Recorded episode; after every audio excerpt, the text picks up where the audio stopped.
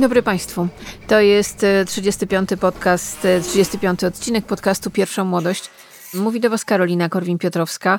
Za oknami słyszycie dźwięk szlifierek i remontów. Po raz kolejny.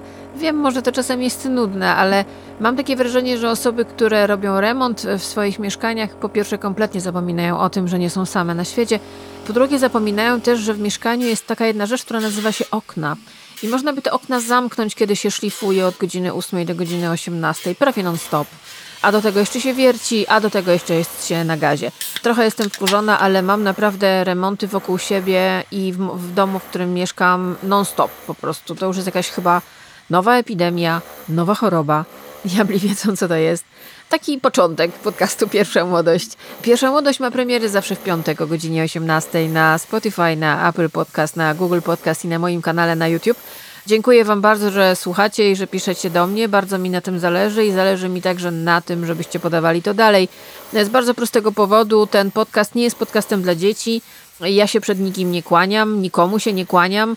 Padają tutaj czasami wyrazy i czasami jest on bardzo niepoprawny politycznie i zauważam, że to już zaczyna gdzieś na mnie się odbijać dochodzą do mnie różne takie głosy. W związku z tym im częściej podajecie dalej w swoich mediach społecznościowych mój podcast, tym dla mnie lepiej i bardzo Wam za to dziękuję.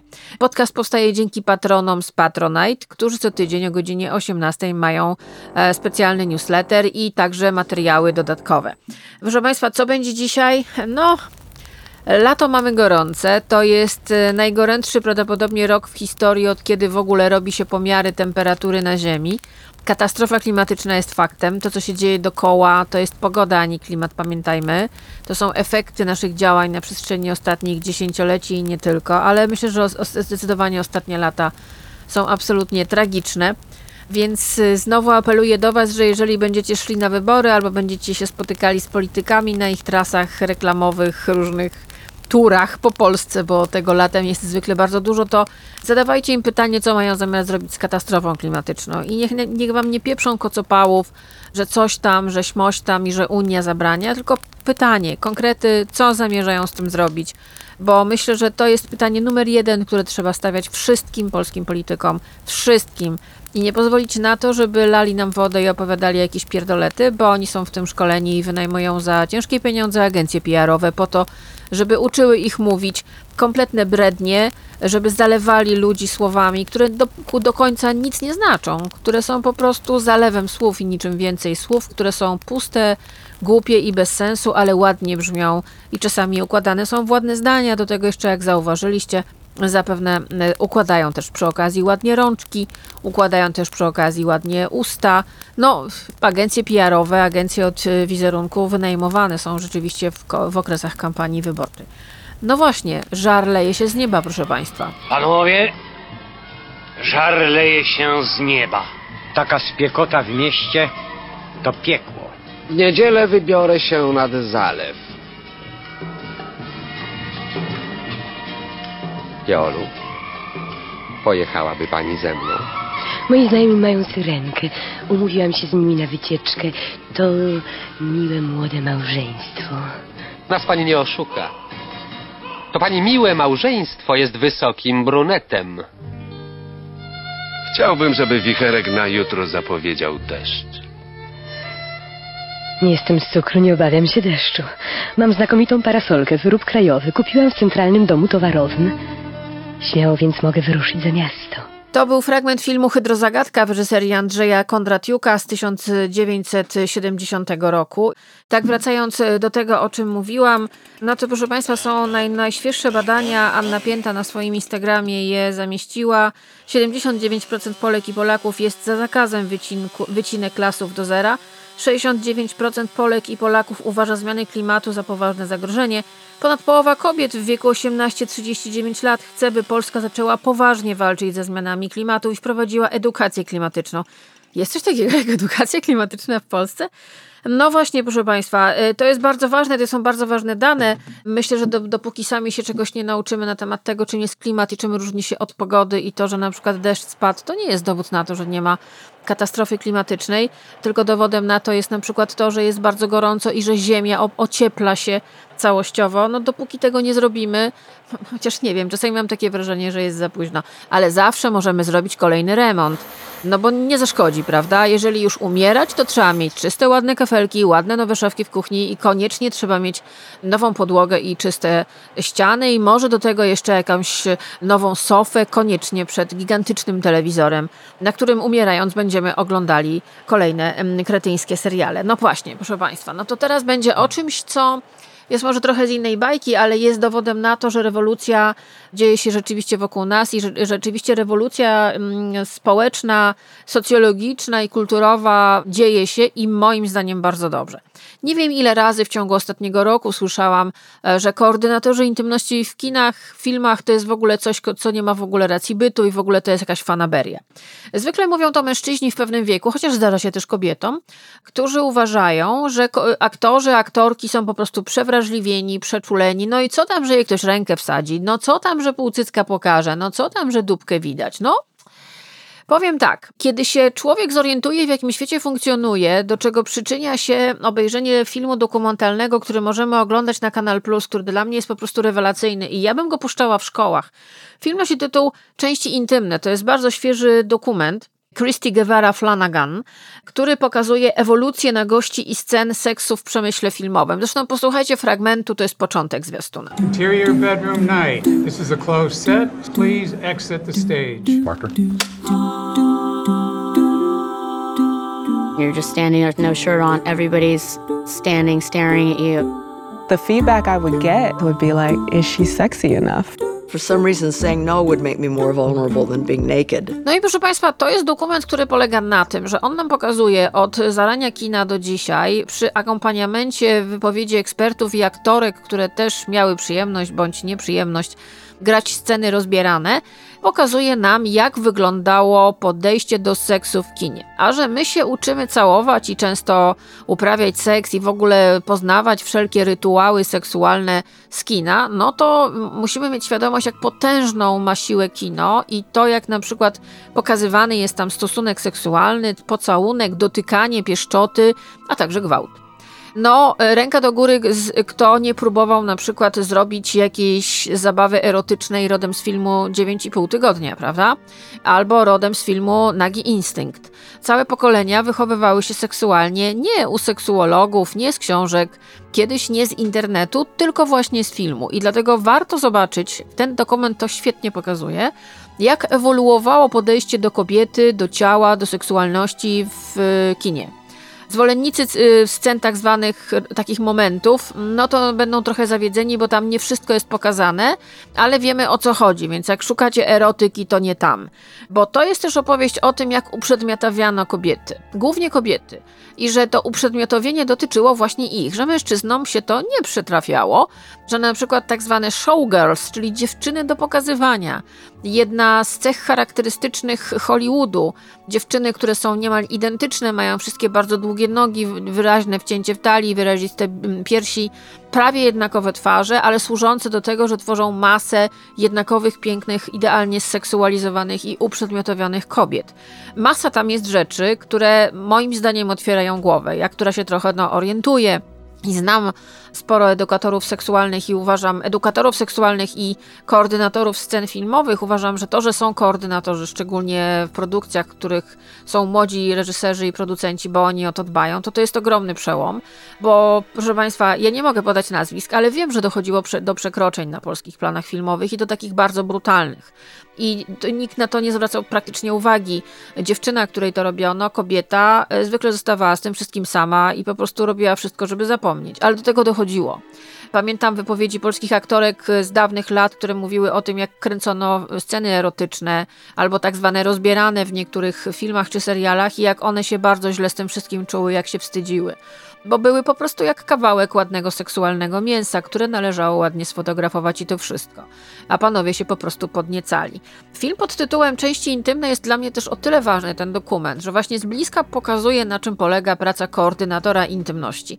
Zawodu wyśmiewanego przez wielu, szczególnie mężczyzn w pewnym wieku, ale przyjmowanego z otwartymi ramionami głównie przez kobiety w filmie, bo rzeczywiście my nie wiemy, na czym polega ich praca, a to jest praca bardzo ważna, praca, która z aktu seksualnego odgrywanego na ekranie, czyli jak te aktorki, innymi Jane Fonda, mówią, że nie ma nic gorszego i nudniejszego i bardziej upokarzającego jak udawanie seksu na ekranie. No ale my, widzowie, mamy zobaczyć coś, co będzie ten seks imitować.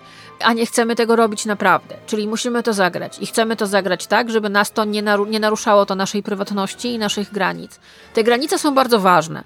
Mm, aktorzy często mm, mówili o tym, ja też robiłam o tym książkę i aktorki mi mówiły, ok, my w szkole jesteśmy uczeni, że ciało jest naszym narzędziem, bo tak jest, ale my mamy teraz prawo, mamy, jesteśmy uczone, że to ciało ma też swoje granice, możemy te granice postawić. I w tym momencie jest bardzo ważny koordynator intymności, który nie dopuszcza do tego, żeby na planie filmowym podczas kręcenia scen erotycznych, a tego jest teraz bardzo dużo, z platform streamingowych to się wylewa i w sumie nic z tym złego, bo seks jest super, ale chodzi o to, żeby ludzie, którzy nam to pokazują na ekranie, czuli się dobrze, kiedy nam to nagrywają. Z tym bywało przez całe dekady różnie i w dokumencie Części Intymne możemy tego z ust osób, którym to robiono. Na przykład jest właśnie Jane Fonda, która przed chwilą słyszeliście ją, która powiedziała, że trudniej było powiedzieć nie dla niej na planie niż być nagą ta próba postawienia jakichkolwiek granic, próba powiedzenia zaraz, chwileczkę, ale o co tutaj chodzi? Tam jest wypowiedź Rosanny Arquette, która dostała się do filmu tylko dlatego, że miała ładny biust i wyrazisty i w pewnym momencie reżyser na planie, taka była scena, że ona była w bikini, no, musiała być w bikini. Notabene tam pada takie zdanie, że najpierw musisz grać w filmie i się bzykać, a potem będziesz miała poważne role. Naprawdę, tak mówiono do kobiet. Ale Rosanna Arquette mówi w momencie, no i on mówi, no to teraz przywejdź i zdejmij stanik, a tutaj proszę bardzo odwrócił głowę i w ogóle powiedział to do niej na takiej zasadzie, jakby, no wiesz, dzisiaj jest poniedziałek. I ona musiała zdjąć ten stanik i oczywiście go zdjęła, chociaż nie było tego w scenariuszu, ale pan reżyser sobie to wymyślił na planie, no bo tak. To jest dla tych, którzy myślą, że i teraz na przykład są tacy mądrzy i tacy wygadani na forach internetowych, kiedy na przykład e, aktorki po latach zgłaszają różne przekroczenia wobec nich. Dlaczego nie robiły tego wcześniej?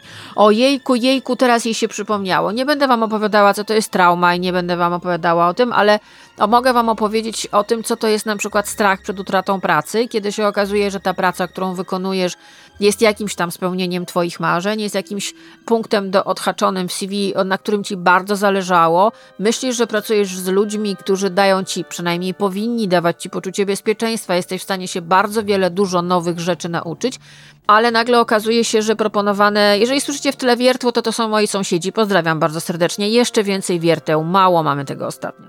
W związku z tym, jeżeli jesteś na takim planie, gdzie no, chcesz pracować, chcesz zarabiać pieniądze, no, chcesz być aktorką, po prostu wybrałaś taki zawód, a tutaj nagle się okazuje, że dochodzi do przekroczeń, no to nie jest fajnie. I te przekroczenia zostają z tobą na całe życie. I te przekroczenia są jak taki bagaż, którego nie jesteś w stanie się pozbyć. Bardzo ciekawy jest ten dokument y, części intymne, który jest na Kanał Plus. Różnorodność y, gości jest wspaniała i naprawdę są to ludzie, którzy znają się na rzeczy, zarówno filmoznawcy, krytycy, ale też aktorki same, które to przez to przeszły.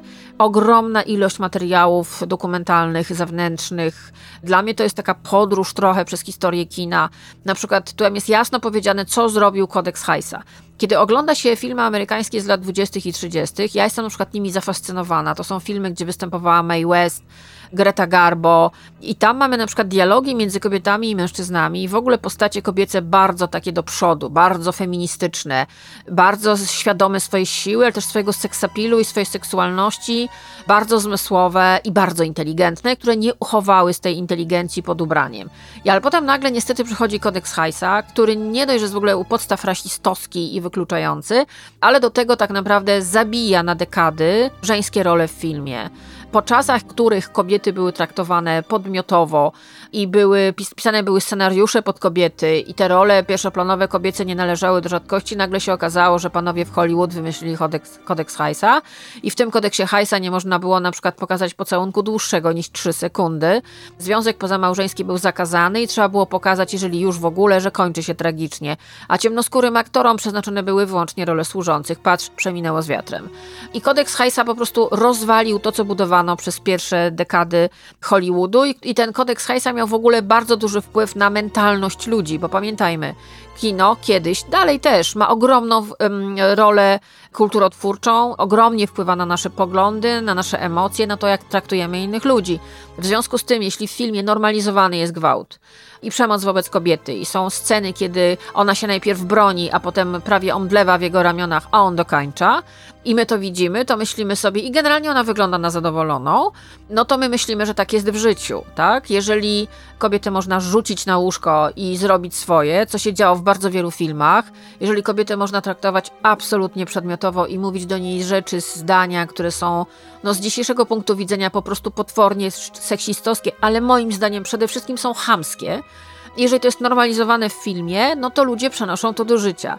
Bardzo ciekawy dokument, bardzo Wam go polecam. Występują w nim naprawdę wielkie gwiazdy, innymi właśnie Rosanna Arquette, Jane Fonda, Rose McGowan i kobiety opowiadają o tym, jak zmieniły się standardy pracy na planach, bo zmieniły się bardzo i one mówią o tym. Tam jest pokazany, powiedziany jest ten moment, kiedy pojawił się pierwszy koordynator intymności, co na to wpłynęło i dlaczego koordynatorzy intymności to nie jest y, zawód dla jaj, tylko to jest bardzo poważny zawód, który bardzo pomaga w komforcie pracy na planie.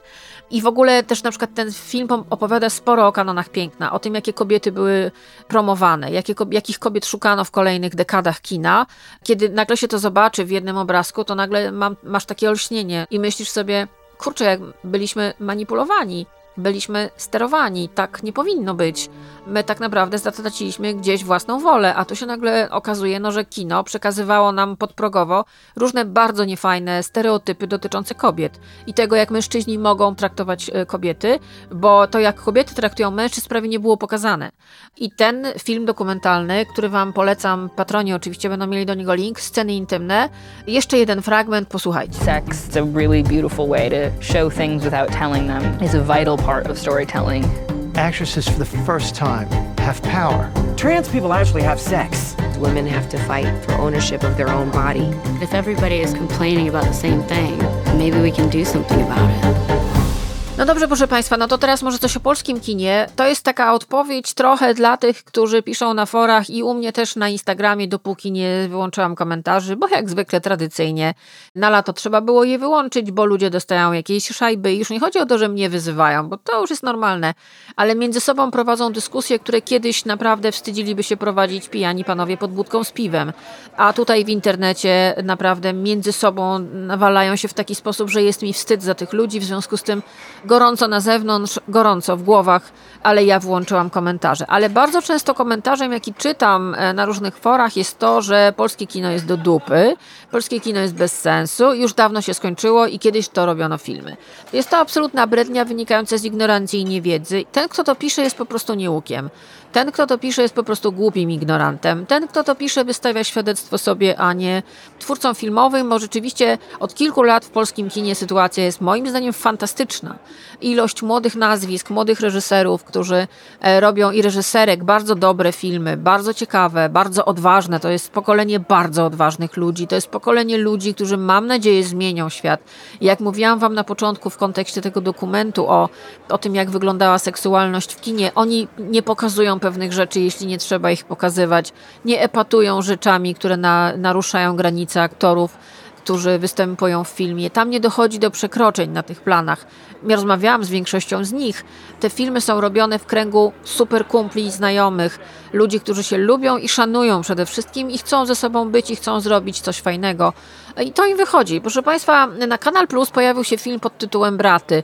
Film, który gdzieś zostawił we mnie dużo bardzo fajnych emocji. To jest film, który dzieje się w środowisku dzieciaków i młodych ludzi, którzy jeżdżą na deskorolce. Zresztą posłuchajcie. Swój brat. Do końca życia brat. Raz w życiu potrzebuję twojej pomocy, kurwa, raz w życiu! Jesteśmy razem?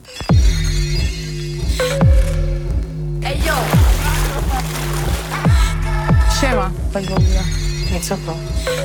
Po mamie. Ale ty jeszcze dzieciak jesteś.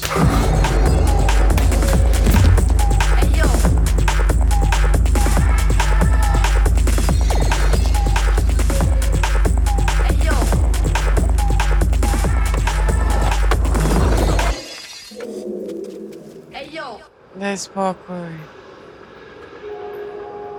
Starzy mają bardziej posrane w głowach od nas.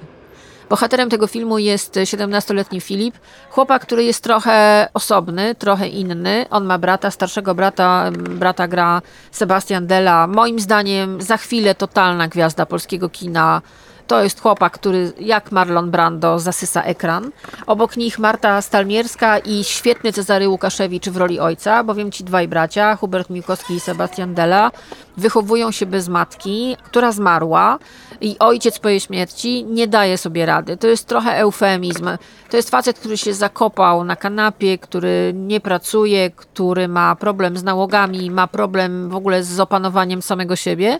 Mamy tutaj bardzo ciekawą i smutną historię, o której się na szczęście coraz częściej mówi o tym, jak dzieci stają się rodzicami swoich rodziców, jak stają się opiekunami swoich rodziców, no bo ci rodzice po prostu nie dobiegają, nie dają rady, są rozwaleni, są po prostu zatomizowani, że tak powiem. I to jest też opowieść o dorastaniu bardzo piękna, opowieść o miłości braterskiej, o takiej relacji, która jest silna, a jednocześnie może być też toksyczna i brutalna, bo ten starszy brat dla tego młodszego, wokół którego kręci się ta historia, jest jego mentorem. To jest taka typowa relacja braterska. Jeden jest starszy, drugi jest młodszy, do tego nie mają matki, więc ten starszy tak naprawdę przyjmuje opiekę nad młodszym bratem i nad ojcem, ale w pewnym momencie, i to jest naturalne, w jego życiu pojawia się dziewczyna. I bardzo dobrze, bo nagle odkrywa, że mógłby z tego domu wyjść i mógłby się wyprowadzić i mógłby zacząć żyć na własną rękę prawie. No z tym bywa różnie, ale to jest taka opowieść, którą my w ogóle znamy. Opowieść, która jest absolutnie uniwersalna. Dzieciaki na całym świecie mają dokładnie takie same problemy i bardzo fajny tutaj jeszcze jest ten wątek deskorolki. Proszę Państwa, to jest y, bardzo piękne, bardzo ładnie nakręcone, z ogromną czułością kino. Kino nazywa się Braty i oni są, ten film jest na Kanal Plus, szczególnie jeszcze jak słuchają jacyś ojcowie, to przyjrzyjcie się roli Cezarego Łukasiewicza, bo rzadko się zdarza w polskim kinie postać ojca, który byłby luzerem, ale takim luzerem, którego nie mamy ochotę kopnąć w dupę, tylko mamy ochotę go trochę przytulić, a jednocześnie też trochę potrząsnąć. To jest człowiek, który sobie po prostu nie radzi. To jest człowiek, którego życie naprawdę przerosło i ten wątek dzieci, które stają się rodzicami swoich e, rodziców, które stają się opiekunami, to jest zjawisko, o którym na szczęście dzisiaj mówi się coraz więcej, ale które dzieje się non-stop, dzieje się wokół nas i które ma tragiczne skutki dla tych dzieciaków. Tragiczne. Potem całe życie człowiek nosi pewien garb. Wierzcie mi, coś wiem na ten temat. Na Kanal Plus też jest film, który jest chyba jednym z najgłośniejszych debiutów polskiego kina ostatnich lat. Chleb i sól Damiana Kocura. Posłuchajcie. A ty co, na stałe tu zostajesz? Nie, jak na stałe. Wiesz, na, na wakacje przyjechałem. Na wakacje? A, to elegancko. Ty, a to piano co jest na chacie, nie? No. Wujek ono jest, nie jest nastrojone? Nie.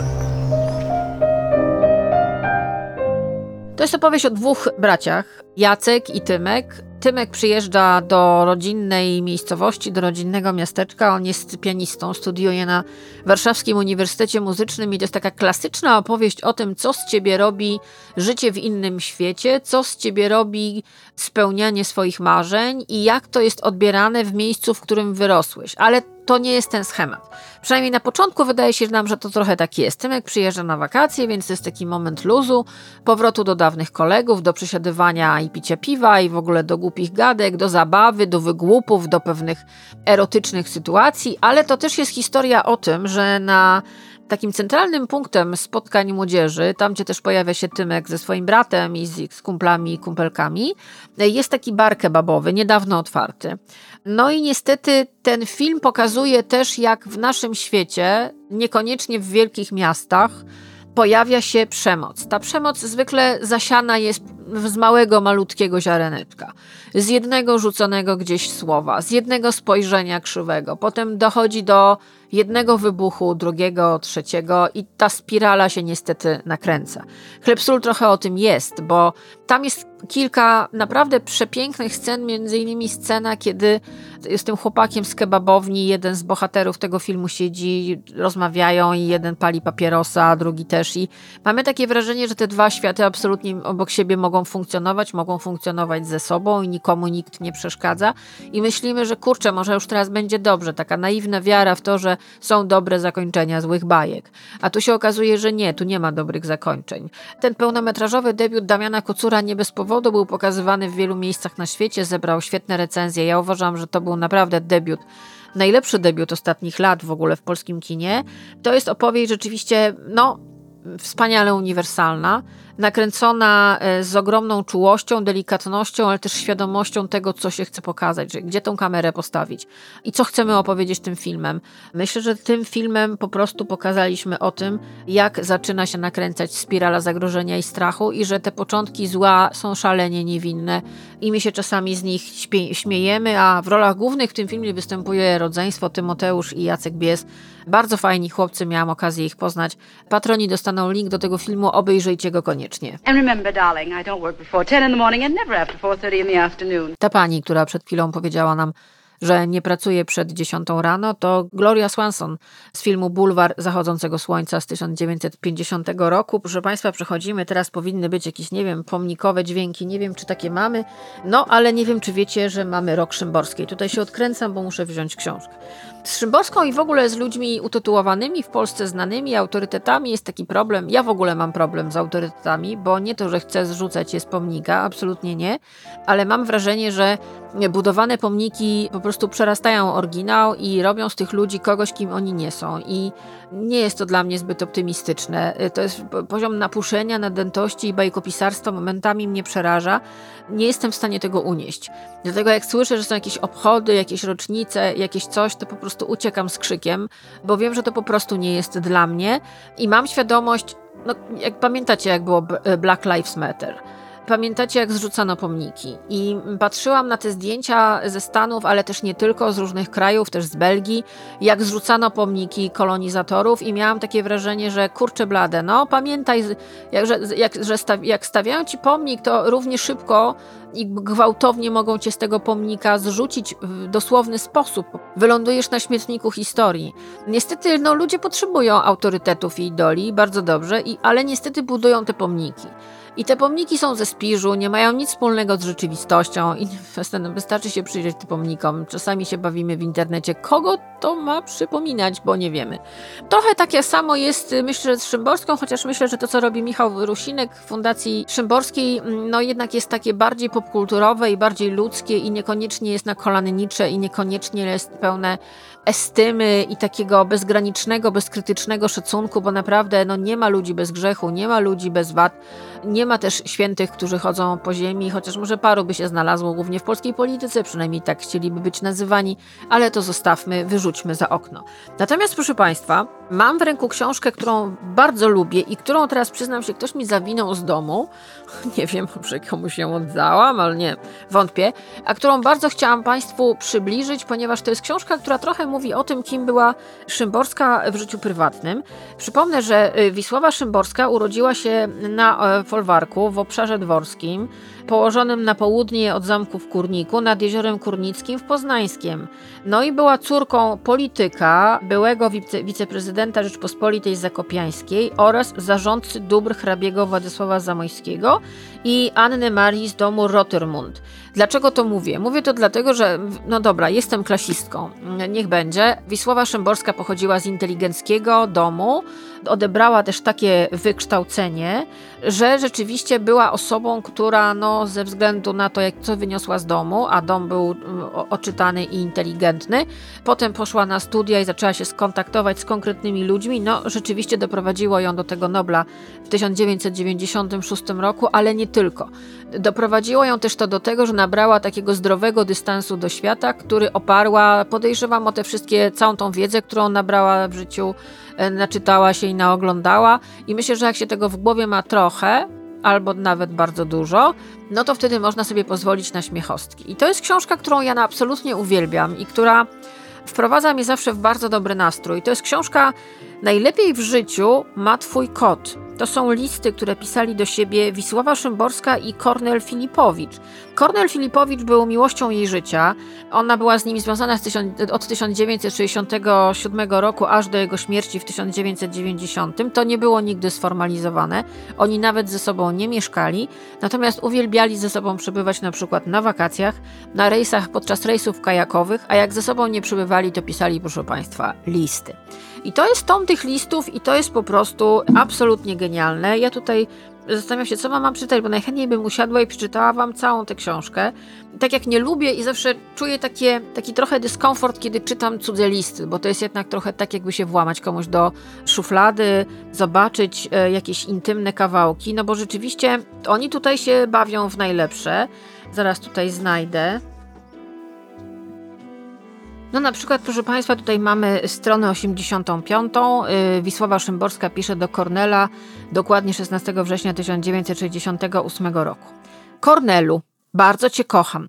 Proszę nie nadużywać telefonu, podając to w wątpliwość. Przez telefon trudno mi cokolwiek udowodnić.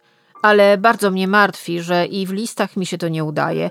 Kto jak kto, ale właśnie ja powinnam być zżerana podejrzeniami najgorszego rodzaju, a już co najmniej niepewnością. Jestem, tylko cierpię w milczeniu i daję ci czas na zerwanie wszystkich pochopnych związków, którymi miałeś sposobność zabawiać się podczas mojej nieobecności. Jak się możesz domyślać, piszę znów po telefonie poniedziałkowym, po którym było mi smutno. Dziś przez pomyłkę pielęgniarka dała mi cały gram streptomycyny i teraz okropnie boli mnie prawy pośladek i głowa. Po raz pierwszy w moim życiu ujawnił się tajemniczy związek pomiędzy tymi dwoma częściami ciała. Poza tym góry widać bardzo blisko, co wróży halny wiatr i znowu deszcze. Jeśli nie będę mogła spać, spróbuję sobie wyobrazić, jakby to było wspaniale być u ciebie na imieninach. Całuję cię, Wisława. Albo wcześniej, jeszcze mamy Wisława, wrzesień 68. Tych listów jest naprawdę dużo. Kochany Kornelu, piszę jeszcze dziś, bo mi jakoś głupio po tym telefonie. Sama jestem akurat w marnym nastroju, a tu jeszcze źle bardzo było słychać, ale na tyle dobrze, żeby się dowiedzieć, że coś jednak jest jeszcze. Powinieneś napisać mi wszystko dokładnie, bo wyobraź sobie, że obchodzisz mnie nie tylko jako okaz zdrowia, ale w ogóle. Nic sobie nie porozmawialiśmy i miałeś gości. I wypadało mi pogadać przy okazji z Adamem i Ewcią, ale jakoś nie wiedziałam o czym, bo nie lubię takich rozmów zbiorowych. Tak samo jak dopisywać się na cudzych kartkach. Kochany, a może coś się zmieniło? Może ci za ciężko z kimś takim jak ja? Jeśli cię martwi to, że nie będziesz mógł prędko przyjechać, to cię od razu rozgrzeszam z tego. Im później przyjedziesz, jeżeli jeszcze zechcesz, to lepiej. Sierżant daje tu przepustkę raz na tydzień na 2,5 godziny. Ludzie radzą sobie tak, że uciekają przez dziurę. Wszystko to jeden wielki absurd. Spróbuję z nim na ten temat porozmawiać. Może zgodzi się jakoś, żebym mogła co dzień wyjść jak normalny człowiek na chociaż dwie godziny. Widzisz, takie tu mam zmartwienia. W ogóle atmosfera raczej paskudna. Ale są też e, takie kwiatki, jak na przykład y, Wisława Szymborska udająca Heloizę hrabinę Landskorońską, Drogi panie Eustachy, bądź pan tak dobrym, przysłać mi odwrotną pocztą 400 guldenów. Mam tu środki na skromne życie, ale w Ostędzie drożyzna szalona. A na to lekarz zalecił mi nieco ruchu, co rozumiem jako konne przejażdżki po parku. Dotychczas pewien znajomy major służył mi swoim wierzchowcem, jednakowoż nagłe wezwanie do pułku zmusiło go do wyjazdu i tak zostałam bez konia. Pojmujesz pan, że natychmiast kupić go muszę, mając na względzie rychły powrót do zdrowia. Osobiście fatygować pana tutaj nie śmiem, znajdę się wszak na miejscu koneserzy koni, a nie przypuszczam, aby mi dobrej rady przy owym sprawunku odmówili, więc takie pi listy pisali do siebie Kornel Filipowicz i Wisława Szymborska. To jest naprawdę fantastyczna sprawa, bo to jest zapis relacji dwojga ludzi, bardzo świetnych pisarzy, o ludzi, którzy mieli oko na rzeczywistość, byli doskonałymi obserwatorami, no ale mamy też, pamiętajmy, przyszłą noblistkę i jednego z najlepszych polskich e, pisarzy, ale mamy też przy okazji niesamowite niesamowity, intymny, ironiczny, zabawny, złośliwy, ale też kochany, czuły, dialog miłosny, który trwa przez bardzo wiele lat. Bardzo Wam polecam tę książkę, bo to jest rzeczywiście opowieść o dwojgu ludziach, którzy się przede wszystkim, wiecie, bardzo lubią. Nie wiem, czy się pożądają i rzucają się na łóżko, zrzucając z siebie ubrania. W ogóle mnie to nie interesuje.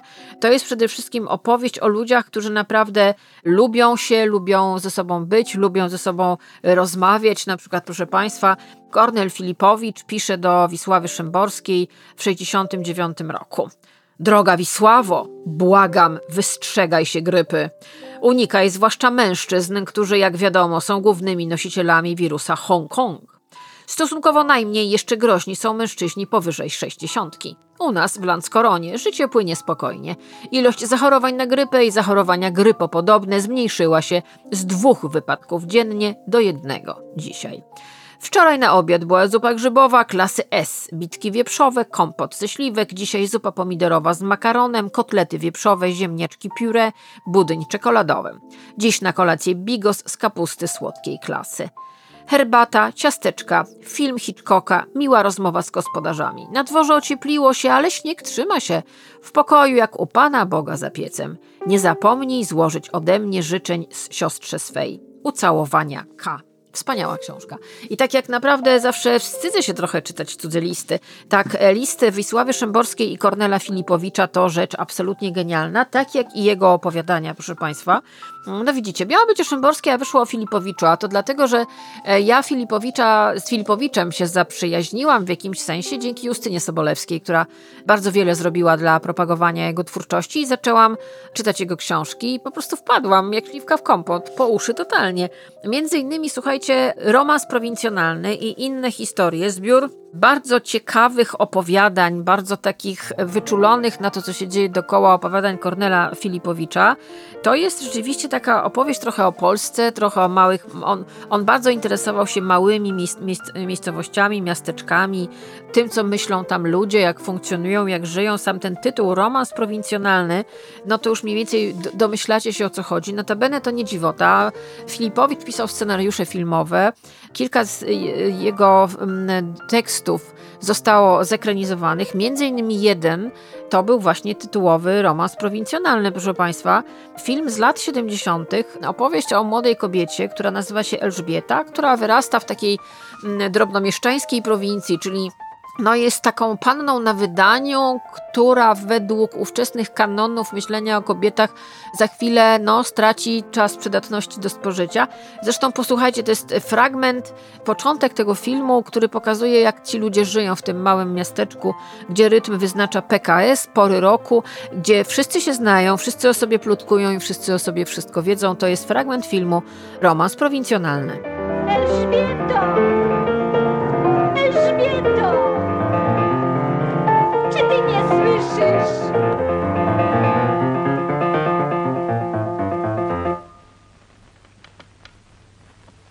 Co, mamusiu? Ty ogłuchłaś. Ja słyszę, mamusiu. Ty chyba nie masz serca. Mówisz tak, jakbyś tego nie rozumiała. Mnie naprawdę czasami tak jest strasznie trudno przestać grać.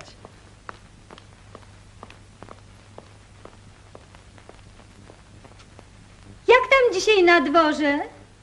Ładnie, ciepło. Nie ma wiatru? Chyba nie.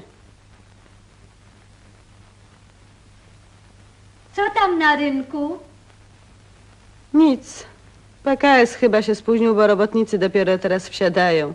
W roli Elżbiety Jabłońskiej wystąpiła w tym filmie Krystyna Wolańska, a poetę Fabiana Miłobrzeskiego, który przyjeżdża do małego miasteczka i zawraca jej w głowie, zagrał Marek Bargiełowski. I ten Fabian Miłobrzeski przyjeżdża do tego małego miasta na odczyt, na spotkanie i no, zawraca w głowie. To jest może nie do końca powiedziane dosłownie, ale między tymi ludźmi zaczyna się coś dziać.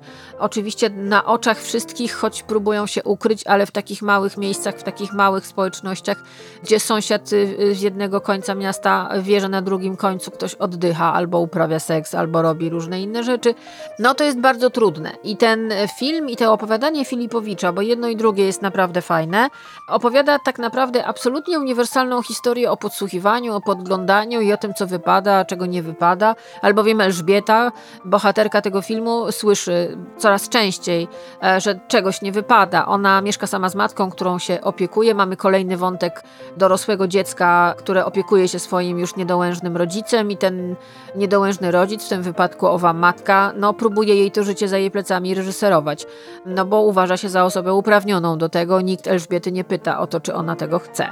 Wręcz no, nakłaniana jest do różnych rzeczy. Zresztą posłuchajcie, to jest mały fragment z tego filmu. Mówię o filmie Romans Prowincjonalny z Krystyną Wolańską i Markiem Bargiełowskim. Posłuchajcie. Staram się naprawić to, co ty psujesz. Mam już tego wszystkiego dość. Mam dość tego cholernego plotkarskiego miasta.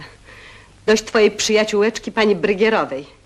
Dość tego hipokryty księdza ryby, tej wariatki aptekarzowej, dosyć tego wszystkiego. Całego prania brudów, tych smrodów, zaglądania sobie w garnki, w łóżka i we wszystko. Mam dosyć, rozumiesz? Ciszej, Elżbieto. Całe miasto słucha. E, Link oczywiście do tego filmu dostaną patroni i jak sobie obejrzycie ten film i jeszcze może przy okazji poczytacie sobie Filipowicza, to może zrozumiecie, dlaczego Szymborska przez tyle lat uważała go za mężczyznę swojego życia. I rzeczywiście myślę, jak czytam te listy, zresztą sam ten tytuł Najlepiej w życiu ma twój kot, bardzo wiele mówi o ich relacji, bardzo wiele mówi o tym, jaka temperatura panowała w tym związku. Nie wiem, czy zawsze było wrzenie, ale na pewno zawsze była sympatia. Myślę, że to o to w tym wszystkim chodzi. No dobra, zbliżamy się powoli do końca, więc Puszczę wam fragment y, pewnej piosenki. Nie złamie żadna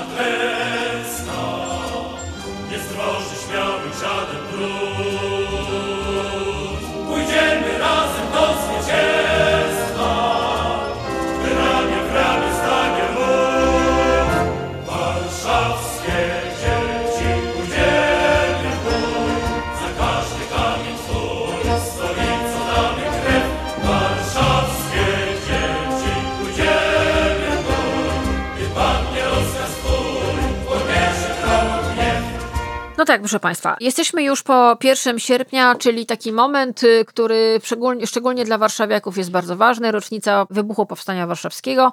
E, I to jest taki moment, który dla takich jak ja, którzy są potomkami powstańców, jest momentem o tyle bolesnym, że od paru dobrych lat nie jestem już w stanie tego dnia przyjechać na Powązki, dokładnie o 17, bo niestety zawłaszczyli mi to wszystko politycy i ludzie z, z jednej strony sceny politycznej i nie czuję się tam najlepiej. Niestety, tak jak wszystko w Polsce jest zawłaszczone politycznie, co mi się bardzo nie podoba, ale też myślę, że w opowieściach o tym, jak mówi się o Powstaniu Warszawskim, widać jak w soczewce to, jak my traktujemy historię. Otóż my kochamy wszystkie bitwy przegrane, my kochamy cmentarze, my kochamy rozrywać szaty, no, co nie do końca moim zdaniem jest fajne i zdrowe. Nie rozumiem, dlaczego u nas kocha się cmentarze, a nie porodówki. To bardzo ciekawe i zatapiamy się w historii i uczymy dzieci, przynajmniej część dzieci chcemy uczyć w taki sposób, że trzeba dla ojczyzny umrzeć. No nie wiem, czy to jest dobre. Myślę, że patriotyzm dzisiaj nie polega na tym, żeby za ojczyznę umierać, tylko żeby płacić podatki, sprzątać psie kupy, dbać o swoje zdrowie i pomagać innym i mieć świadomość obywatelską i społeczną. Nie wiem, czy koniecznie musimy umierać za ojczyznę. Ja tak rozumiem patriotyzm. I myślę, że przy okazji powstania warszawskiego mamy do czynienia z masą uzurpacji, masą prostytuowania tego wydarzenia, wymyślania historii na nowo, robienia wokół tego niepotrzebnych jasełek, bez sensu. Na szczęście w Muzeum Powstania Warszawskiego powstała inicjatywa Korzenie Pamięci. Radzę Wam wejść na YouTube Muzeum Powstania Warszawskiego, tam są wywiady z potomkami powstańców. Nareszcie ktoś się pochylił nad ludźmi, którzy zostali. Nareszcie ktoś chciał posłuchać tych, którzy wyrośli często tak jak ja w kulcie powstania, w kulcie umierania za ojczyznę, chociaż mój ojciec na szczęście był osobą, która nie romantyzowała śmierci swoich kolegów, wręcz wprost mówił mi, że to nie jest fajnie oglądać, kiedy twojemu koledze ktoś odstrzeliwuje mózg. I mam wrażenie, że to jednak było zdrowe myślenie. Natomiast na, u nas się to niestety romantyzuje, ale przede wszystkim e, zostawmy to. Fajnie, że Muzeum Powstania Warszawskiego wpadło na pomysł cyklu wywiadów z ludźmi, którzy są potomkami powstańców pod nazwą Korzenie Pamięci. I na bazie tych wywiadów, gdzie ja też miałam szczęście i zaszczyt e, takiego wywiadu udzielić, powstała książka Jacy byliśmy, jacy jesteśmy. Justyna Dżbik-Kluge poukładała to wszystko do kupy. To jest opowieść o pamięci, miłości, wartościach i rodzinie.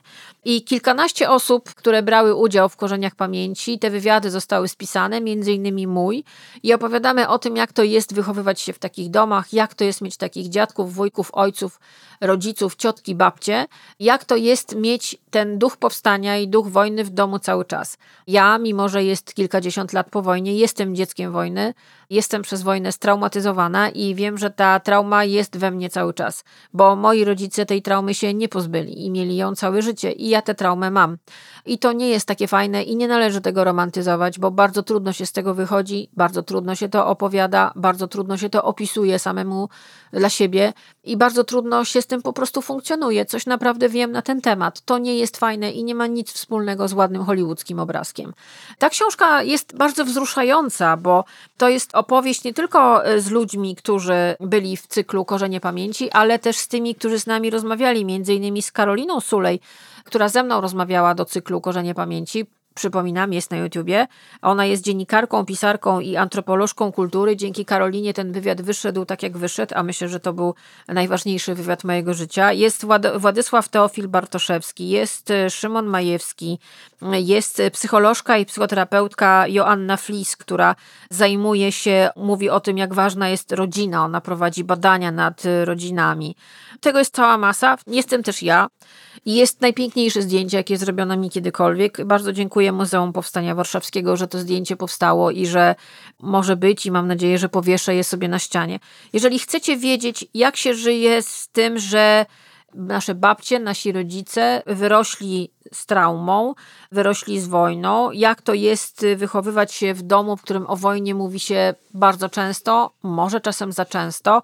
Jak to jest y, być potomkiem, potomkinią ludzi, którzy mieli po kilkanaście lat i biegali z pistoletami po mieście i ryzykowali życie. I to nie była gra komputerowa, tylko oni naprawdę mogli zginąć i wielu z nich ginęło. No to przeczytajcie tę książkę. Bardzo fajna inicjatywa Muzeum Powstania Warszawskiego. Jestem zaszczycona, że mogłam wziąć w niej udział i bardzo się cieszę, bo mi to też osobiście pomogło w jakiś sposób uporządkować trudne relacje z moim tatą, który był osobą bardzo ciekawą, kolorową, barwną, był kolorowym ptakiem, ale był człowiekiem też bardzo mocno straumatyzowanym przez wojnę, jak wszyscy, którzy byli, żyli podczas wojny, a jeszcze on, który był żołnierzem przez całą wojnę i strzelał do ludzi i walczył i dostał order Virtuti Militari, no to jednak o czym świadczy. Ten stres, ta wojna, ponad 5 lat życia w totalnej traumie, to nie jest normalna sytuacja. To nie jest coś, z czego człowiek wychodzi nieporaniony. I to jest ta książka, jacy byli, jacy jesteśmy. Jest opowieścią, jak to jest wzrastać w rodzinie, w której jeden bądź więcej członków to są ludzie poranieni przez potworną tragedię i traumę. Link do tej książki dostaną patroni. Jeżeli chcecie jakoś pomyśleć ciepło o powstaniu, to pomyślcie o tych, którzy zostali, bo oni często też mierzą się z różnymi traumami i problemami i mówię to jako osoba, która też to o tym wie i z tym walczy i to, to sobie bada i stara się z tym funkcjonować. To nie jest łatwe, to nie jest proste, to nie jest miłe, ale można na tym coś zbudować, jak już zrozumiesz, co tak naprawdę z tobą się dzieje. Jacy byli, jacy jesteśmy. Justyna Dżbik-Kluge, bardzo wam polecam. To może jeszcze raz. Nie złamie wolni żadna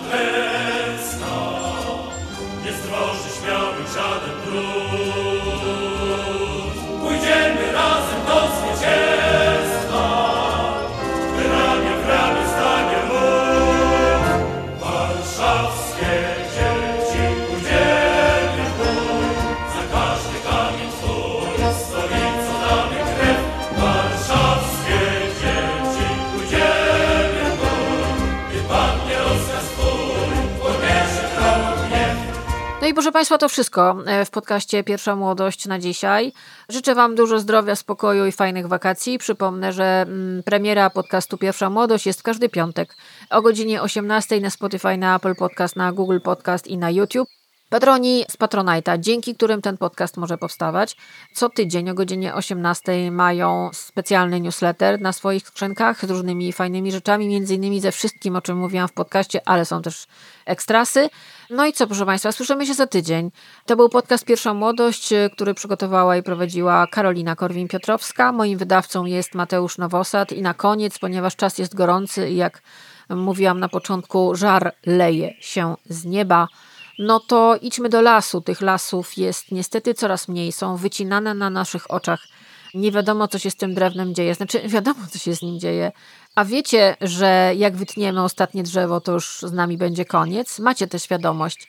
Więc na koniec tego podcastu, tak, może jestem dla niektórych nudna, ale myślę, że trzeba mówić o tym, że katastrofa klimatyczna dzieje się tu i teraz.